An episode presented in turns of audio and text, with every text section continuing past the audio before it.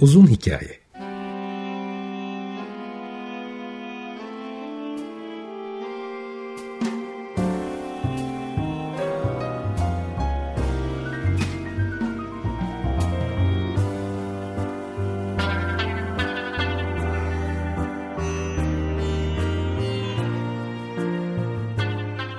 Hazırlayan ve sunan Muzaffer Çorlu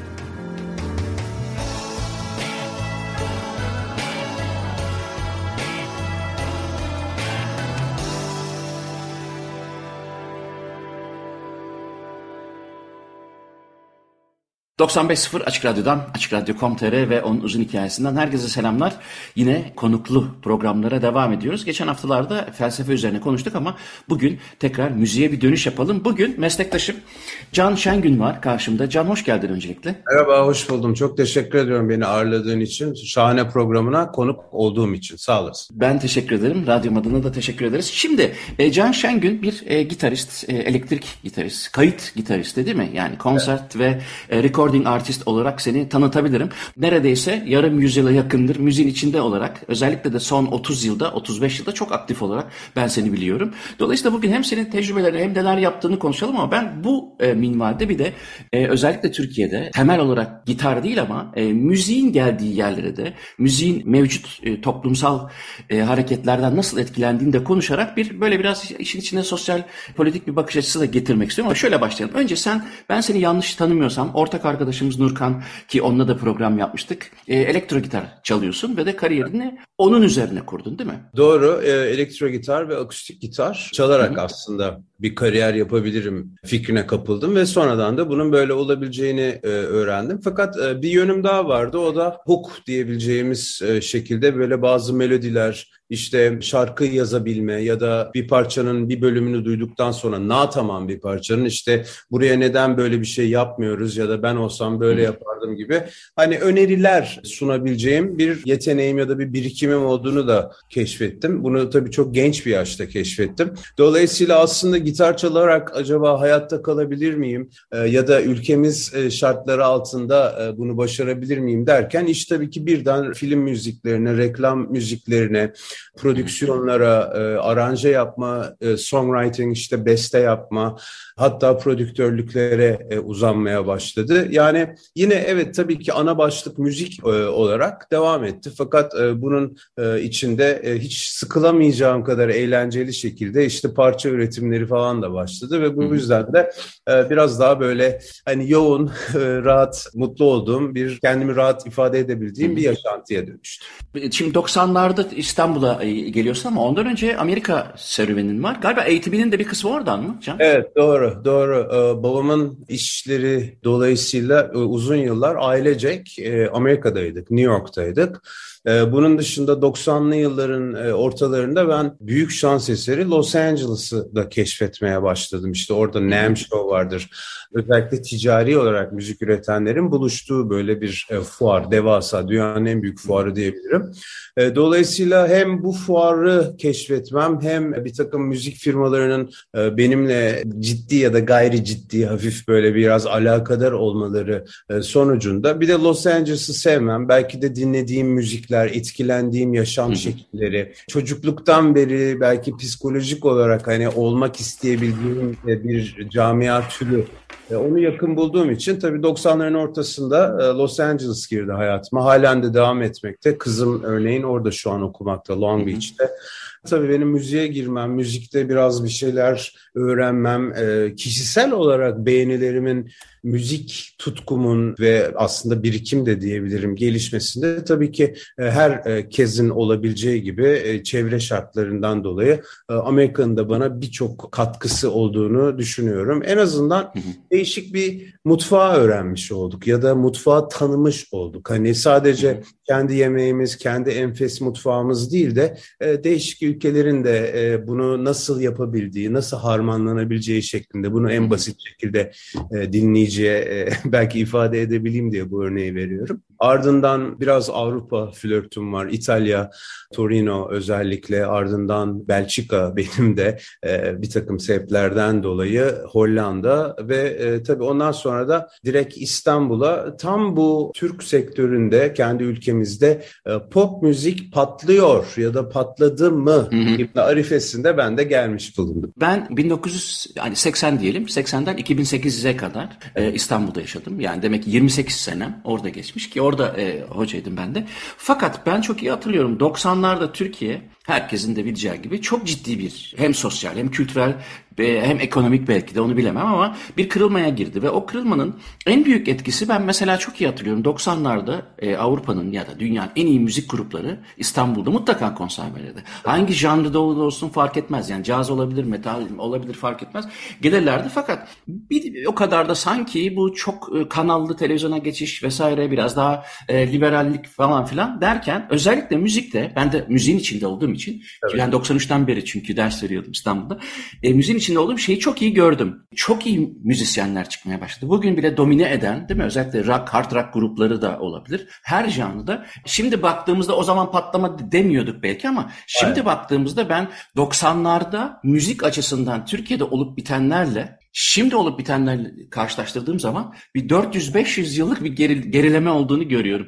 Bizim sektör açısından. Öyle mi hakikaten? Senin gelişinin o patlamayla ilgisi var mı? Ya da e, öyle bir tesadüf oldu ve de güzel bir hani çevreye mi gelmiş oldu? Yani tabii ki ilgisi alakası var. E, çünkü uzun yıllar e, biz de büyürken özellikle 70'li yıllarda e, hasbelkader değerli diyebileceğim Türk grupları ya da Türk bestecilerinin az sayıda ya da kısıtlı sayıda üretimlerine maruz kalmak yanı sıra değişik türlerde sanat müziği olsun, pop denemeleri olsun ya da işte ne ödüğü belirsiz bir tarzda olabilir ya da birazcık Anadolu kokan tarzlar da olabilir.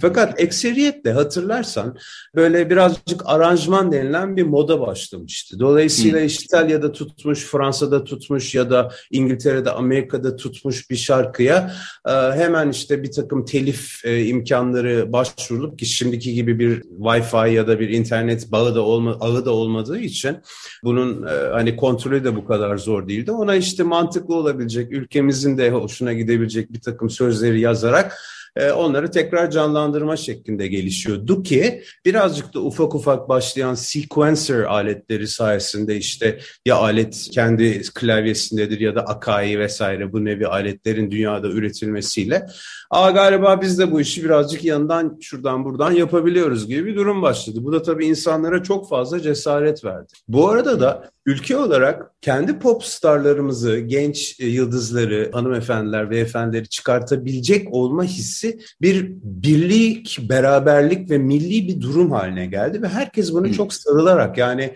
gönüllerinden geldiği şekilde yapmaya başladılar. Bu da tabii parça ne kadar kaliteli olursa olsun ya da belki bir kere dinlenilip unutulmuş şarkılardan bir tanesi daha olsun. Hiç fark etmez. Yine de böyle bir üretim ve bir çalışkanlık, bir heyecan o doğurdu. Tabii bu arada da özellikle büyük şehirlerimizde ülkemizin işte bazı küçük diye e, adlandırabileceğim kulüplerinin ya da orta çaplı kulüplerin çok uzun yıllar lokal müzisyenlere ev sahipliği yapmaya başlamaları, işte gerek cover diye ifade edebileceğim blues olsun, jazz olsun, rock ya da hard rock, heavy metal işte bu tür akımlar hatta reggae gibi akımların e, sıkça çalınabilecek mekanlar daha doğrusu ortamlar haline gelebilmiş olması ile beraber sokağa çıkan kişilerin özellikle o zaman bizim gençliğimizde, bizim gençlik yıllarımızda olan insanların ben salı günü bu grubu dinlemeye gideceğim. Perşembede şu adlı grubu gideceğiz, burada seyredeceğiz falan. Böyle bir imkan oldu. Dolayısıyla hem üretimle beraber sektörün gelişmesi başladı. Hem de insanların gidip de birilerine hayran kalabilecekleri, yıllarca belki video kliplerde ancak gördükleri bir takım işte uzun saçlar, vatkalar, şık giyimler ya da enfes şarkılar söyleyen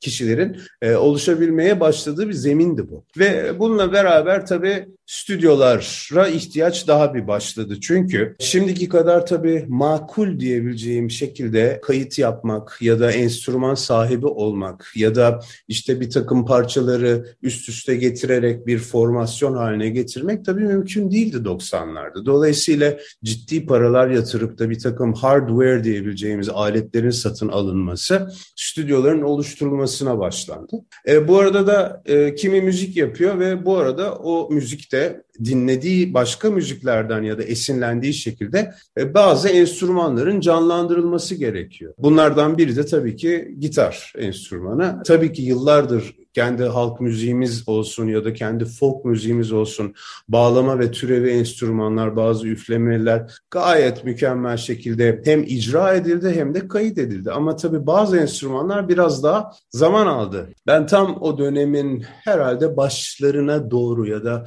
başladığından böyle bir süre sonra kendimi İstanbul'da buldum ve tabii herkesin bir önerisi var. Herkesin etkilendiği bazı gitar çalma şekilleri var. Bir gitarcı olarak kimisi daha ziyade Akdeniz tınıları diyebileceğim bir gitarcılıktan hoşlanıp bütün hayatını onu çalışmaya veriyor. Kimisi daha çok flamenco tarzına eğilebiliyor. Kimisi perdesiz akımla eğilip işte biraz daha udvari ya da koma içeren enstrümanlara. E benim tabii yetiştirilme yerim, yetiştirilme şeklim ve tabii ki kişisel e, beğenim olarak da daha çok işte popta da kullanılabilecek öğeler, özellikle disco çocuğu, disco dönemi çocuğu olduğum için disco ve heavy metal diyorum herkese. Ne alaka can diyorlar. Ama hani e, kulak dolgunluğum bu tarzlar içerisinde daha gelişmişti. O yüzden tabii ki ona da ihtiyaç olduğu yerlerde alo can diye bir durum başladı. E, bu tabii ki benim hani hem mevcut olmam hem de birazcık da altyapımın da bunu el verecek yani o hizmeti, o servisi verebilmemi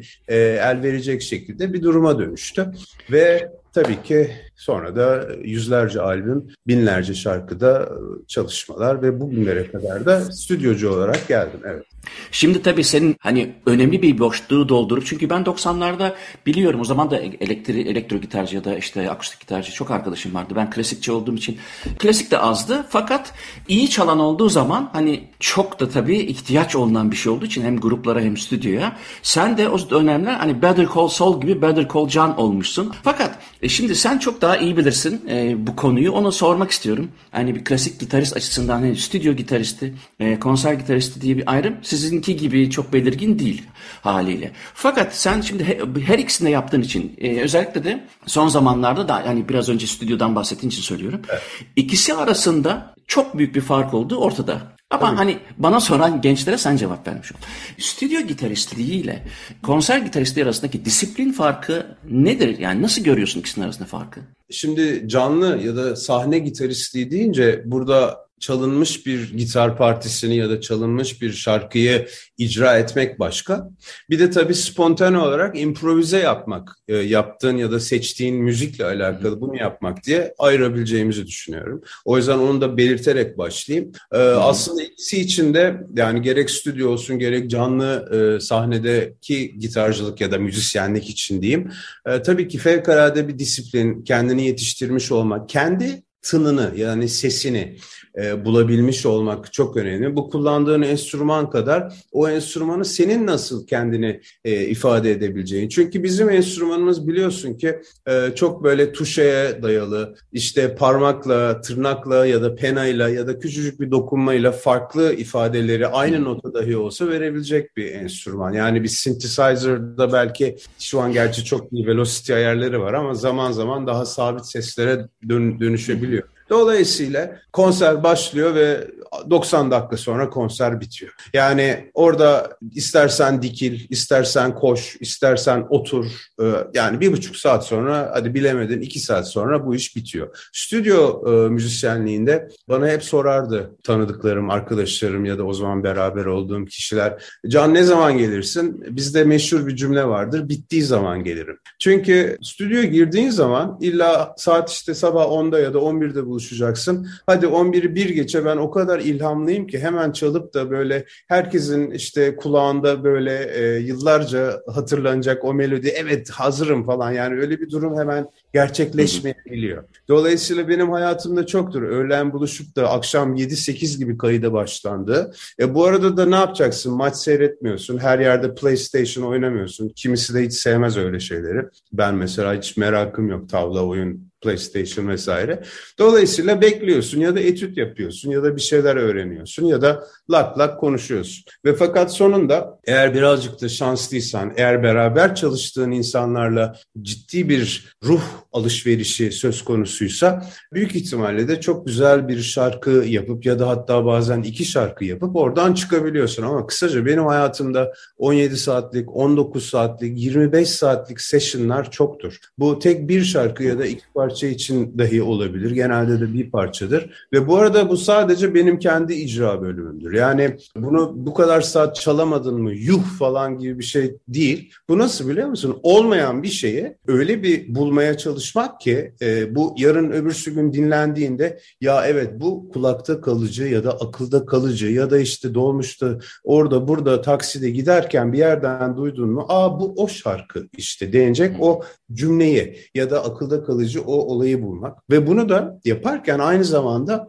e, dünyadaki sound ya da teknolojik gelişmeleri de beraberinde mümkün olabildiğince getirebilmek. Dolayısıyla stüdyo müzisyenliği eğer sabrın varsa, sabrın olan varsa, benim ciddi boyutta önerilerim var, müzikal olarak önerilerim var. Çok önemliyim ya da çok ciddi alınacak biriyim şeklinde değil. Ama benim de yani bir dinleyin ya şurada beş dakika bir anlatacağım var benim de diye düşünebilen herhangi bir kişinin yapabileceği bir durum açıkçası. Kimisi der ki ya beni hiç bulaştırmayın. Ben çalınmışı gelirim, çalarım. Seyahat etmemde de bir sıkıntı yok. Bugün Bursa'dayız, yarın İstanbul'dayız, öbürsü gün işte Edirne'deyiz falan. Yani bunlar arasında böyle bir küçük farklılık var. Ben evet ikisini de yapma şansını buldum. İkisinden de ayrı zevk alıyorum. Güzel bir parça yazdığımızda gece eve ya da sabah eve geldiğimde tavana bakıp şöyle uyuyamadan evvelki işte o beş dakika mıdır, üç buçuk saat midir o da tartışılır ama tavana bakıp gurur duyuyorsun kendinle. Ama sahneye çıktın mı orada emin ol ki oraya gelen bin kişi varsa bunun 995'i zaten önde senin temsil ettiğin sanatçıyı alkışlıyor ya da gözleriyle ona bakıyor işte e, tercihine göre. Ve e, ama orada emin olun ki 3 kişi, 5 kişi ya da duruma göre 500 kişi neyse e, sizin ne yaptığınızın biraz farkında, haberdar ve e, size de arada sırada e, sevgiyle, saygıyla bakan e, kitleler olabiliyor. Aslında ben ikinci bölümde biraz daha politik meselelere girmek istiyordum ama ne üzerinden girmek istiyordum? O da televizyonda gördüm işte bu İzmir'in kurtuluşunun 100. yılı nedeniyle Tarkan. Sen de düzenli ve sürekli olarak Tarkan'ın grubundasın değil mi? Tarkan'ın yani hani böyle bir söylemek doğru mudur? Tarkan'ın gitaristi olarak bilinen kişi sen alıyorsun. Dolayısıyla ben aslında oraya şöyle bir geçiş yapmak istedim. Şimdi Tarkan tabii Türkiye'nin en bir numaralı pop starı. Bu 100. yıl gösterileri dünyanın en çok izlenilen değil mi? Canlı izlenilen 5. konseri durumuna yükseldi evet. ve sen de orada gitaristsin. Şimdi tabii büyük bir kıskançlıkla soruyorum bunu. Yani biz en fazla 2000 kişiyi bulursak klasik müzikte tabii inanılmaz bir rakam olur ama 2 milyon benim hani aklımın alabileceği bir şey değil. Fakat Tarkan tabii ki hani çok büyük bir kitleyi hemen toplayabilen önemli bir pop yıldızı. Fakat sen şimdi orada ya nasıl nasıl hissettin? Hakikaten ben mesela bir an empati kurayım dedim senin yerine. E, kuramadım. Yardımcı olur musun? Tabii ki. Ya şimdi şöyle nereden başlasam onu e, düşündüğüm Politik için. kısmına sonra geleceğiz. Önce hani o sahne o e, güruh belki hani negatif bir kanotasyonu var ama hani istediği kadar senin temsil ettiğin sanatçı yani o bağlamda Tarkan'a bakıyor olsun. Fark etmez. Yani hiç daha önceden iki buçuk milyon kişiye gitar çaldın mı sahne? Hayır. E, kesinlikle. Fakat şöyle bir durum var. Hemen onu söyleyeyim. E, bizim benim Tarkan'la çalışmaya başladığım, sahnede çalışmaya başladım herhalde 16 buçuk yıl içerisinde. E, stüdyoda da herhalde 25 yıla yakındır beraber çalıştığımız ve ayrıca bir arkadaşlığımız var, dostluğumuz var illaki. Ee, paylaştığımız birçok e, güzel hatıramız var. Ee, beraber büyüdük sayılır. Ee, birçok kişiyle beraber ama Tarkan da bunlardan bir tanesi. Benim için en azından. Dolayısıyla e, onunla tabii mesela bir Karadeniz Ereğli'ye konsere gittiğinde rahat 300-400 bin kişilere çal çalmışlığımız var hepimiz. Efendime söyleyeyim Moskova'ya gidiyorsun çünkü demin kendin de belirttiğin gibi sadece bizim güzel ülkemizde ya da kendi vatandaşlarımızın çoğunlukla yaşadığı bir yerde değil. E, ama işte Meksika'da da çok ciddi e, potansiyelli satışlar yapan, e, Rusya'da, Avrupa'nın genelinde vesaire e, hatta Uzak Doğu'da e, gayet tanınan e, bizim milli markalarımızdan biri açıkçası Tarkan. Hı hı. İyi bir müzisyen e, olmanın ötesinde. Herkes oraya da bir gün gelmek isterim de onun aslında... Yo oraya gelir, geliriz. Ben, ben çünkü e, ben de katılıyorum. E, hem canlı da seyrettiğim için. Tabii ki hani herkes şey diye eleştiriyor bazen. Bazen hani başta yani bir playback desteği ama o playback desteğinin de part of the game olduğunu e, bilmedikleri için e, belki öyle eleştiriyorlar ama sen lütfen devam et. Oraya geliriz. Tabii ki. Dolayısıyla bize 9 Eylül'de sadece İzmir'in kurtuluşu değil, o zamanki e, ülkemizin aslında kurtuluşuna moral vermesi açısından çok çok değerli olan bir tarih 9 Eylül. Ta oralara gittiğimiz zaman 100 yıl öncesi kim bilir nasıl şeyler başladı ve ardından bir yıl kadar sonra da e, Cumhuriyetimizi e, kurabildik. Yani e, bugünlerde e, acaba ne durumda diye büyük tartışma götürür bir konudur bu. Neyse belki arzu edersen oralara da geliriz. Neyse 9 Eylül ve İzmir'e gelecek olursak hızlıca e, zaten günlerdir yapılmakta olan sahnemiz e, artık şu sebepten ya da bu sebepten dolayı çöktü, kırıldı. Yani böyle ikiye düştü. Hı hı.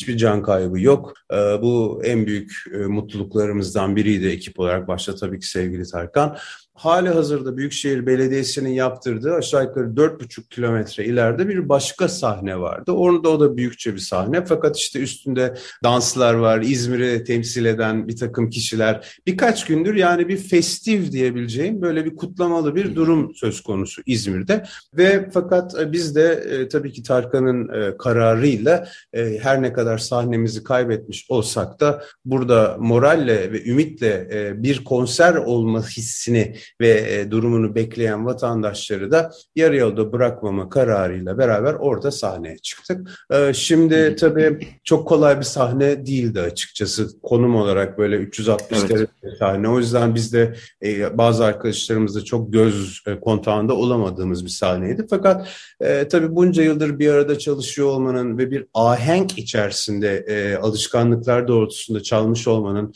belki bir avantajı olarak e, gittik ve elimizden gelen en iyisini yapmaya çalıştık. Bütün grup arkadaşlarım, kendi adıma da. Tabii çok kalabalık. E, şöyle bir şey yani bir süre sonra akıl zaten almıyor. Hani denize bakarsın okyanusun ortasından e, ve hani hiç bitmeyen bir mavi ya da bir hani nasıl diyeyim uçaktayken böyle gözün görebileceği en uzak yere kadar bakarsın hiç bitmeyen bir bulut vardır. Aynen böyle ifade edebileceğim bir durum. Burada tabii beni çok etkileyen konulardan biri e, güzel İzmir e, sahilindeki bütün evlerin salonlarının full olması, binaların çatılarının sanki bir nasıl diyeyim havai fişek gösterisi seyredilmek üzere 30, 40, 50, 20 neyse e, büyük bir kalabalıkla e, dolmuş olması her e, dairenin ışıklarının sonuna kadar yandığı ve ya sizin ev madem sahilde size gelebilir miyiz işte bütün aile bu gece. her ev bir konser salonu küçük çaplı yani. yani bana bana şunu anımsattı açıkçası bu yoksunluklar ve bilinçli olarak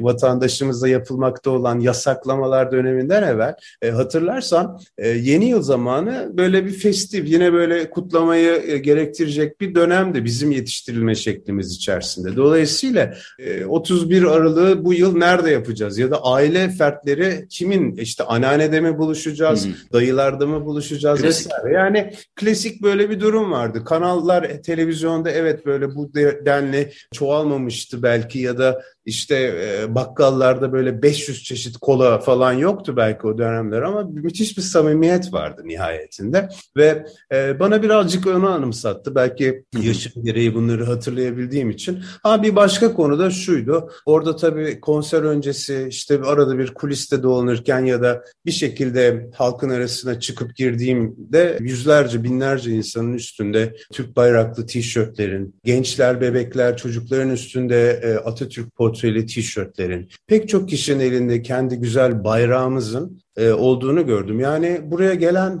e, artık kimisi diyor nereden biliyorsun işte kaç milyon kişi olduğunu falan filan. Konu aslında bu değil. Konu birçok insan bir araya geldi. Bir arada güzel bir enerjiye şahit oldular. Kendi enerjilerini ortaya koydular.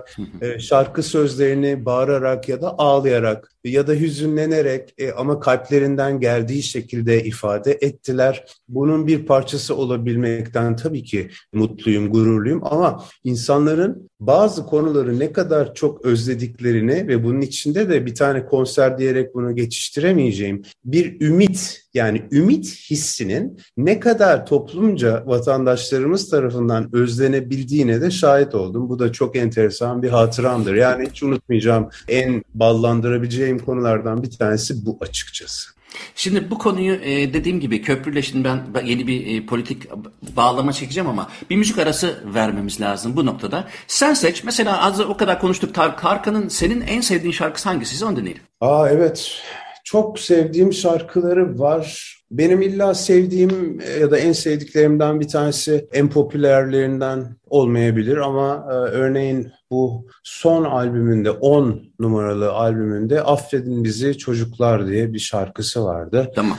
E, onu zaten ben çaldım fakat e, bunun dışında da çok e, severek dinlediğim halen bir şarkı. Tamam. Onu dinleyelim sonra ikinci bölüme geçeriz. Evet Tarkan'dan Affedin Bizi Çocukları e, dinledik. Bunu sen çaldın değil mi? Gitarlarda sen vardın. E, evet, kaç kaydı evet. bu? Kaç yılı yapımı? E, vallahi herhalde bir e, 4 yılı var. Dolayısıyla orada da hem e, sol sağ çelik telli çaldım hem de orta kanallara 12 telli e, akustik çaldım. Elektrik yok bu parçada, elektrik gitar. E, fakat e, tempo olarak anlatılmak istenen böyle çok orada güzel bir his var. Hı hı. Sevdiğim bir Tarkan e, şarkısı. Hı hı. Hani 90'ları konuştuk başta. Hani senin de Türkiye'ye gelişin vesaire bir sürü yaptığın şeyin dışında. Evet. Aslında şöyle bir ortak noktamız var gibi geliyor. Senin gitar dışında tabii. 90'larda belki de bizim yaşımızla ilgili de olabilir. Bu bilmiyorum. Hala öyle mi onu sorayım öncelikle. 90'lardaki o müzik çeşitliliği, konserlerin fazlalığı. Yani işte İnönü Stadı'nda e, Metallica çalıyor da ondan sonra işte caz barda böyle acayip güzel bir e, caz grubu var. O sırada her akşam neredeyse Taksim'de bugün ünlü olan grupların inanılmaz rock bandlerin konserleri falan filan var. Birincisi galiba hala öyle, öyle olmadığı gibi bir de sıklıkla e, konser, festival e, iptallerini ben duyuyorum. Belçika'dan duyduğum için e, belki davulun sesi buraya nasıl geliyor bile, bilemeyebilirsiniz ama e, böyle bir insanın moralini bozuyor falan. Hakikaten müzik de yani senin bildiğin yani piyasasında bir radikal bir değişiklik var mı? Ya da yapılmak istenen radikal bir değişiklik var mı? Nasıl hissediyorsun? Ya sadece müzikte değil tabii ki müzisyen olarak kendi meslek grubumu ifade edebilirim de yani genelde bütün sanat dallarında yani bu iş yapılmasın gibi bir yaklaşım var. Bunun tabii bir emir olduğunu da inanmak istemiyorum açıkçası. Böyle bu kadar şahane demokratik bir ülkemiz var. Böyle bir yerde yaşıyoruz. Meclisimiz var. Fakat bir takım kitleler ya da gruplar tarafından hangi inanca ya da hangi akla ya da neye hizmet ettiğini bir türlü e, benim kültürümün ve zekamın alamadığı bir şekilde e, mümkün olabildiğince canlı işlerin, konserlerin, e, insanların bir araya gelmesinin, iki gülmesi ya da üç limonata içmesi ya da ne arzu ediyorsa onu yapmasını bilinçli olarak engellenmeye çalışıldı. Engellendikten sonra da bunu bir savaş başarısı narası ile e, kendi kitlelerine duyurmaya çalışan bazı arkadaşlarımızın ya da bazı e, grupların ya da organizasyonların olduğunu düşünmeye başladım. E, bunların e, tabii ki büyük bir araştırmasını yapmadım çünkü çok daha değerli benim vaktim. E, fakat e, nihayetinde son e, yıllarda eskiden olduğu gibi e, haftanın yedi gecesi birçok kulübün, e, birçok müzisyenin çalışabileceği ortamlar, çalışıp sahnede sahnede çalmayı öğrenebileceği, sahnede müzik yaparak kendini tanıyabileceği, büyüyebileceği bir artist olarak, bir sanatçı ya da bir icracı olarak ortamların bundan 20-25 yıl evvel mukayese edildiğinde hiç e, mümkün olmadığını, e, hatta mevcut olmadığını e, gözlemlemekteyim. Bunun arasına tabii hemen şunu sıkıştıracağım. Aşağı yukarı iki buçuk yıllık bir Covid durumu salgını dünyada da olduğu gibi tabii ki bizim ülkemizde de bu da girdi. Dolayısıyla bakıldığı zaman e, sahnede müzik yaparak ama sahne olur ama bir düğün olur ama bir şölen olur ama bir kutlama olur. Müzisyenin direkt herkes beste yapabilecek diye bir kaide olmayan e, arkadaşlarımız adına başka nasıl acaba hayatta kalması söz konusu olabilirdi ya da kirasını ödeyip ya da çoluğunu çocuğunu besleyebilmesi bu da tabii tartışılır.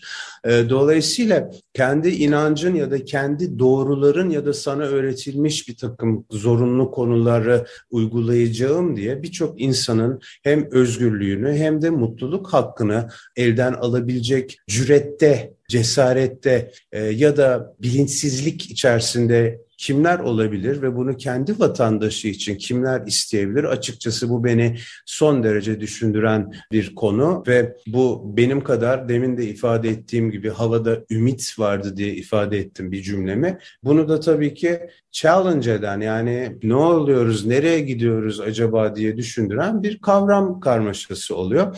Bugün e, bizim ülkemizde müzik yapan pek çok kişi altyapı olarak e, bir takım barlardan, Taksim'den, Bursa'dan, İzmir'den, Ankara'nın çok seçkin yerlerinde çalarak ve kendini ispatlayarak ve müziği öğrenerek gelmiş e, isimler, gelmiş kişiler. Evet birçoğu benim arkadaşım ya da hepimizin dostları, gurur duyduğumuz kişiler. Fakat dediğim gibi herkes belki beste yapamıyor ya da aranje yapabilecek bir bilgisi ya da bir denemişliği yok. Dolayısıyla çalmak zorunda. Sazı ne olursa olsun.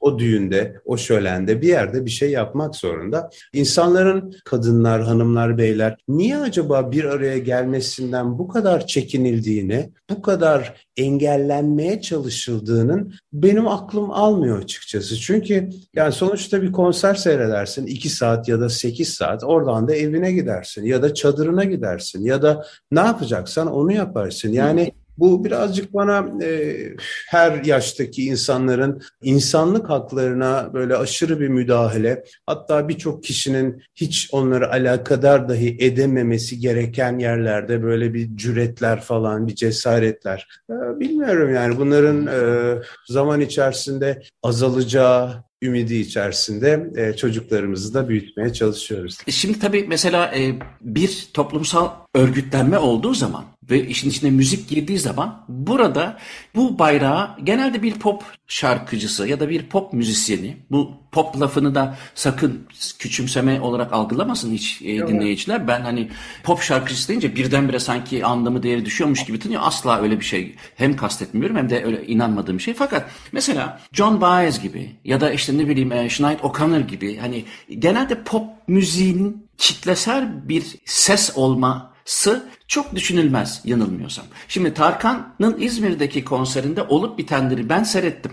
Orada bir konser yoktu tabii sadece. Çünkü biraz önce anlattığın, üstü e, olabildiğince diplomatik olarak şekilde kapalı bir şekilde anlattığın üzere e, insanlar sanki senin anlatmaya çalıştığın, ifade et en güzel şekilde ifade etmeye çalıştığın yasak demeyelim ama engellemeleri diyelim. Evet. Sanki Tarkan'ın İzmir'deki konserle beraber sanki kendilerini, özgürlüğü daha aydınlık deyip karşı tarafı kapkaranlık hale getirmeyeyim. Benim haddim değil ama ben benim gördüğümü söyleyeyim. Biraz da sanki öyle bir sembol haline gelmiş gibi geldi bana. Ya da en azından Belçika'dan baktığın zaman öyle gözüküyor. Şimdi sen 16-17 yıldır Tarkan'la beraber olduğuna göre, e, grubunda olduğuna göre e, ve leading gitaristi olduğuna göre şimdi şunu sormak istiyorum sana. Bu anlattığın, şikayet ede geldiğin şeyler hani ağırlıklı olarak Covid'den 1-2 yıl öncesini alırsak son 5 yılda daha bir hissedilir oldu. Yanılıyorsam lütfen düzelt. Milyonlarca kişiye çalmış oldu. Dünyanın her yerinde konser veriyorsunuz değil mi? Yani Meksika'sına, Rusya'sına, e, Almanya'sında her yerde. Dolayısıyla yüz binlerce birçoğu Tarkan hayranı olsa da milyonlarca müzik severe karşı çalmış birisi olarak şunu sanki ayırt edebilirmişsin gibi geliyor bana. Son 5 yılda bu biraz önce şikayet ettiğin durumlar insanlarda belirli bir davranış değişikliğine yol açtı. Dolayısıyla sen 17 yıldır en az Tarkan'la olanı söylüyorum. Öncesi de var mutlaka.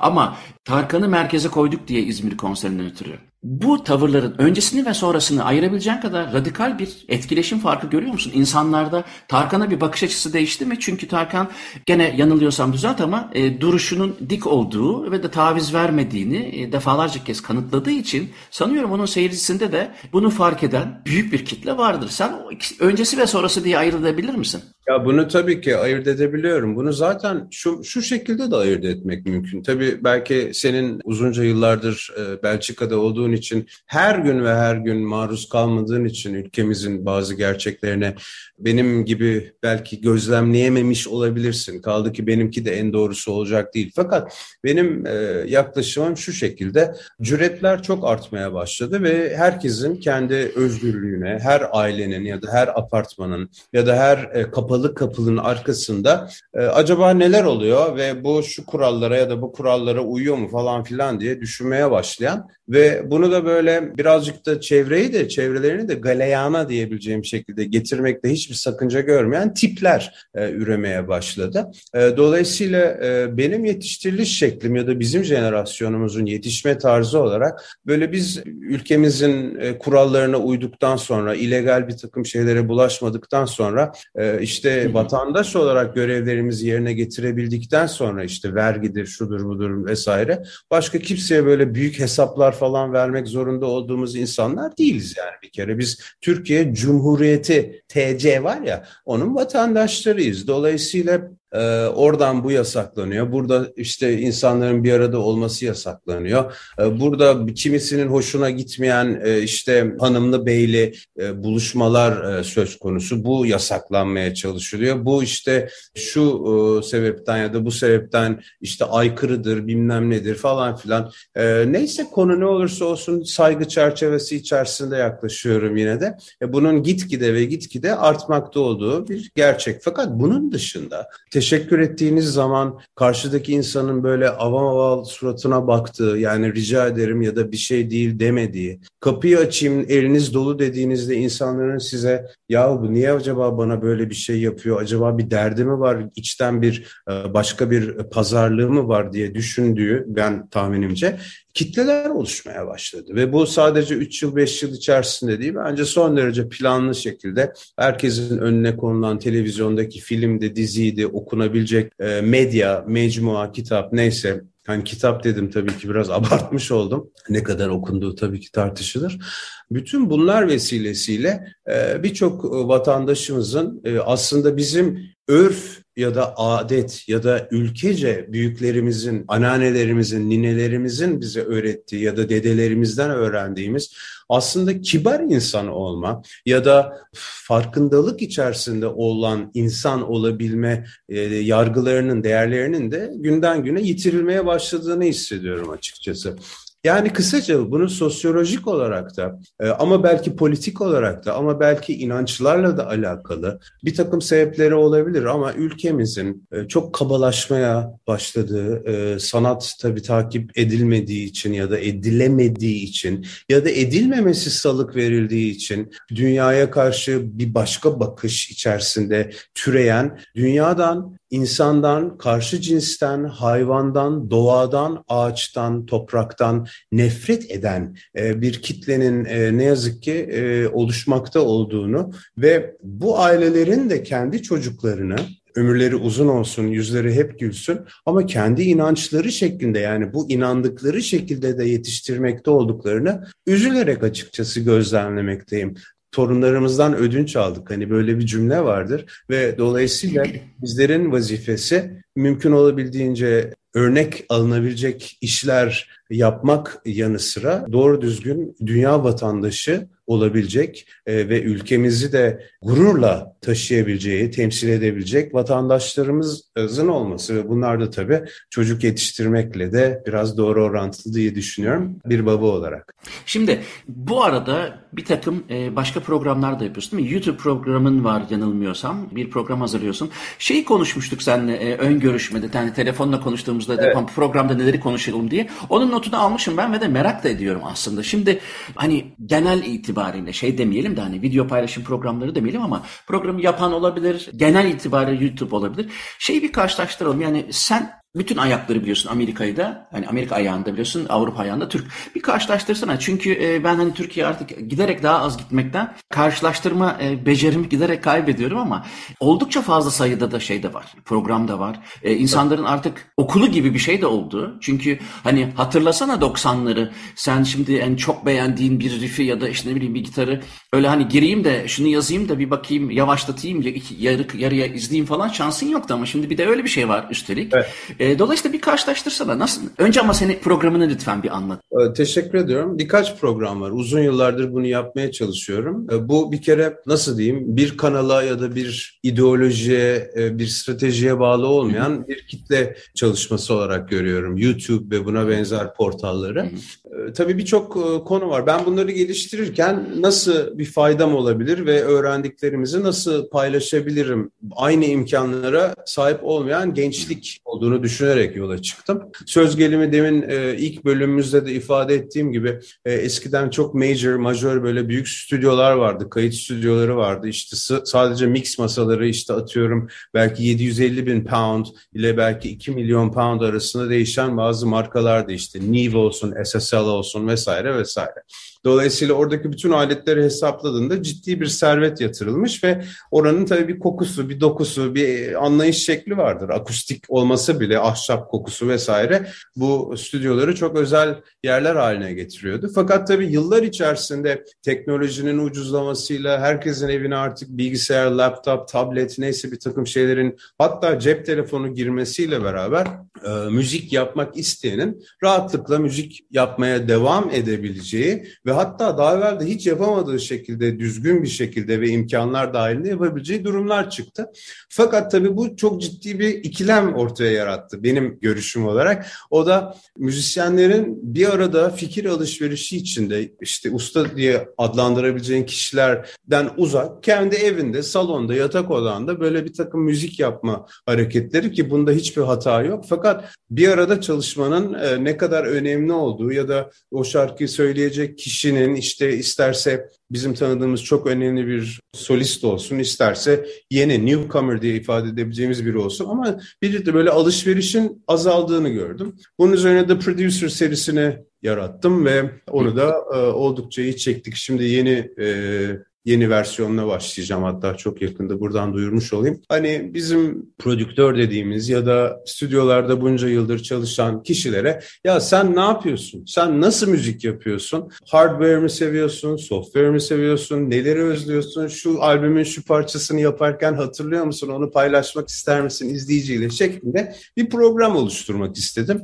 Bunun da iyi yerlere gittiğini açıkçası görüyorum, duyuyorum e, izleyicilerden o tarihte. Ya bunun gibi tabii birçok programında fikir babası olmaya çalıştım. Halen de yeni e, eforlarım devam ediyor. Haftaya yeni bir seri başlatacağım. Örnek olarak. Nerede yapıyorsun peki kayıtları? Vallahi kayıtları nerede olabilirse orada yapıyorum. Yani ışığın olduğu, sesin böyle kötü olmadığı ve anlatacağıma göre ya da anlatmayı istediğime uygun olabilecek herhangi bir ortamda yapabiliyorum. Bir otelin lobisinde, rufunda, kendi spor odamın ya da stüdyomun içinde, belki bir otelde gece sabah dörtte aklına bir şey geliyor, baktın güzel bir ışık var, gözler her ne kadar çökmüş olsa da oradaki muhteviyat önemli olan zaten. Dolayısıyla e, aklına nerede gelirse, uçakta, turne otobüsünde, trenin arkasında, vapurda hiç fark etmez. Yeter ki hani o içeriğin samimi olabilecek ve dinleyenler, izleyenler tarafından da bir yere gelebilecek yani işlerine yarayabilecek bir content, içerik olabilmesi benim için esastı. Dolayısıyla e, dünyada benim gibi milyonlar ve milyonlarca insan diş fırçalamanın en doğru şekli şudur diye videolar da çekebilir. Ekmek yapmanın en e, mayayı işte bekletmeden formülünü buldum diye de yapabilir ki var. E, yemek tarifinde her şeyi yapabilir. Ya da işte e, bir tarafının e, kopçuğunu şöyle yaparsan işte e, balo elbisesinde daha az gözükür falan gibi makyajlı ıvırdı zıvırdı. Benim de böyle hani e, naçizane bildiğim iki üç bir şey varsa ya da edindiğim diyeyim e, bunca zaman içerisinde onları paylaşma ihtiyacı duydum ve e, Peki YouTube kanalında mı bunlar şu anda? Yani nasıl ulaşabilirler? Evet, evet yani burada benim adımı yazınca Can Şengün işte YouTube ya da The Hı. Producer ya da gitar ya da konser ya da bilmiyorum işte insanın aklına gelebilecek iyi ya da kötü. Peki istediğin tepkileri alıyor musun? Alıyorum evet. evet. Hı, ha, harika. Ya ben şöyle olmaya çalışıyorum. Benden illa bir kitle sadece gitarcı olmamı bekliyor. Bu bana çok sıkıcı geliyor artık e, açıkçası ve dolayısıyla bizlerin insan olarak önerebileceği, sunabileceği ya da paylaşabileceği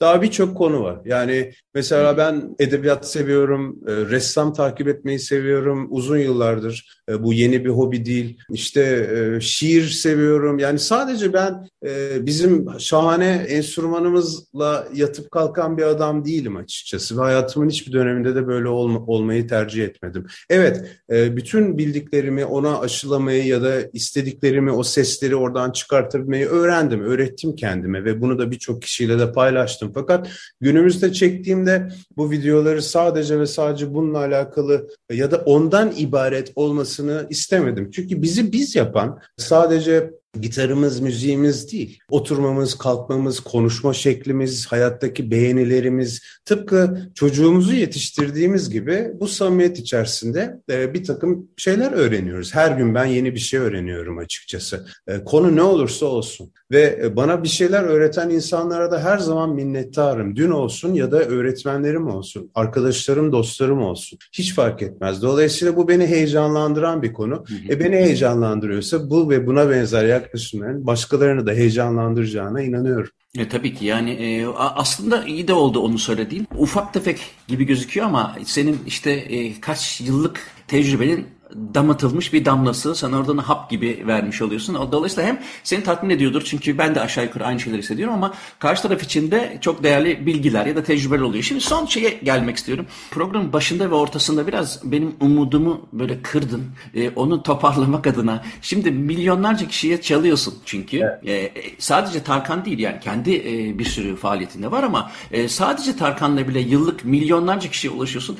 Ben şeyi soracağım. Hani benim umudumu topla diye hani ısmarlama bir soru değil ama gerçekten de işe yarar benim için. Bu kadar çok insanı gördüğüne göre bir yılda ya da bu kadar çok kişi de seni gördüğüne göre bir yıl içinde umutlu olmanı gerektirecek şeyleri görüyor musun? Ya benim şöyle bir yapım var. Yani artık bunun sebebi nedir? Yetiştirilme şeklim midir? Annem babam mı ya da büyüklerim mi ya da burcum mu yıldızım mı? Onu da anladığım bir konu değil yani. Konular değil açıkçası da. Ben oldukça optimist bir adamım. Yani iyimser bir adamım. İşte kimsenin kötülüğünü düşünmem ama birinin sözüm ona yazdığı bir takım kurallar gereği de başka insanları da yargılayabilecek bir bir gücüm olduğunu da düşünmüyorum. Her zaman bir saygınlık içerisinde kalalım.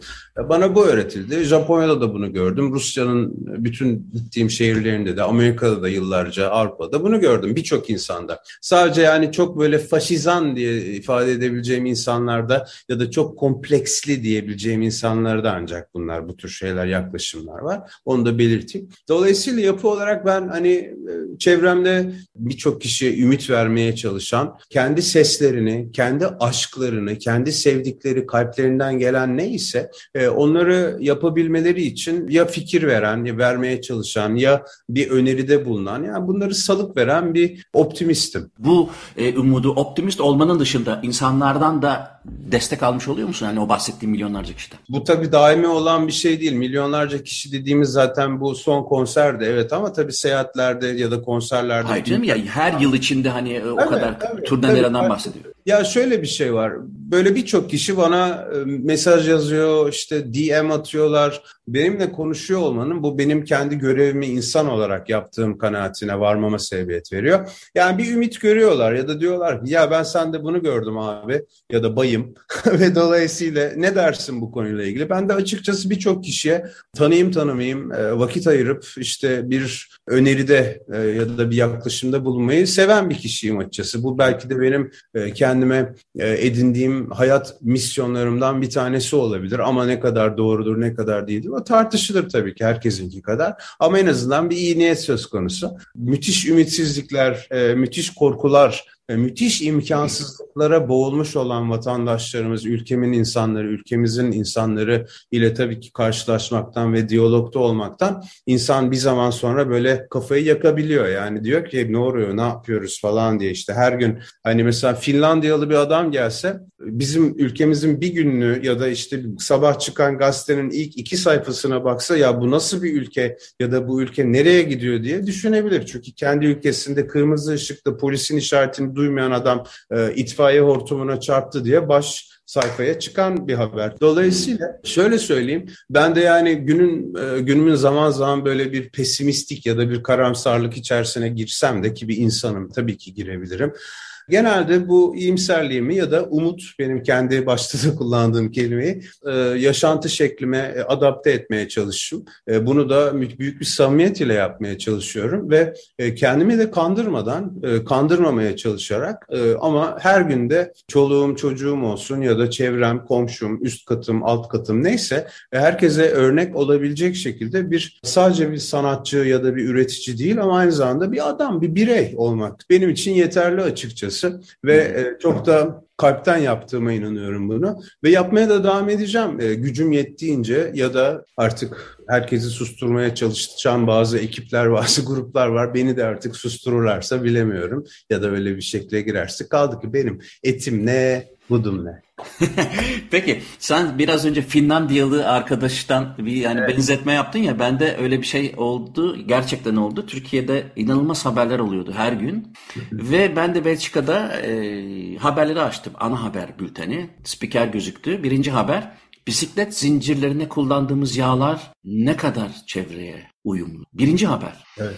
Ben dedim ki işte fark, farklı bir şey, farklı bir dünya bu çünkü e, Türkiye'de Keşke bisiklet zincirine kullanılan yağların e, çevreye ne kadar uygun olup olmadığı birinci haber durumuna gelebilseydi keşke. Demin Finlandiya benzetmem bana bunu hatırlattı. Çünkü ben sırf o yüzden sanıyorum 4 yıl Açık Radyo'da ayrıca bir bisiklet zinciri diye bir program yaptım. Şu an latife yapıyoruz da e, hani gülüyoruz ağlanacak halimize diye bir cümle vardır. Güzel üniversitelerimizden bir tane Boğaziçi olsun, e, ODTÜ olsun vesaire yani işte oradan e, 2000 bilmem kaç yılında mezun olmuş işte şu hanımefendi şu hastalık için böyle bir çare buldu ya da işte NASA'da e, işe alınan dört tane Türk mühendis ya da bilim insanı e, işte şunları şunları büyük başarısı falan yani bunları daha sık e, görebilmeyi tabii ki isterim. E, hatırlarsan mesela sporda da Cep Herkülü, e, Naim Süleymanoğlu e, her ne kadar e, bizim yetiştiremediğimiz Bulgaristan'ın yetiştirmiş olduğu bir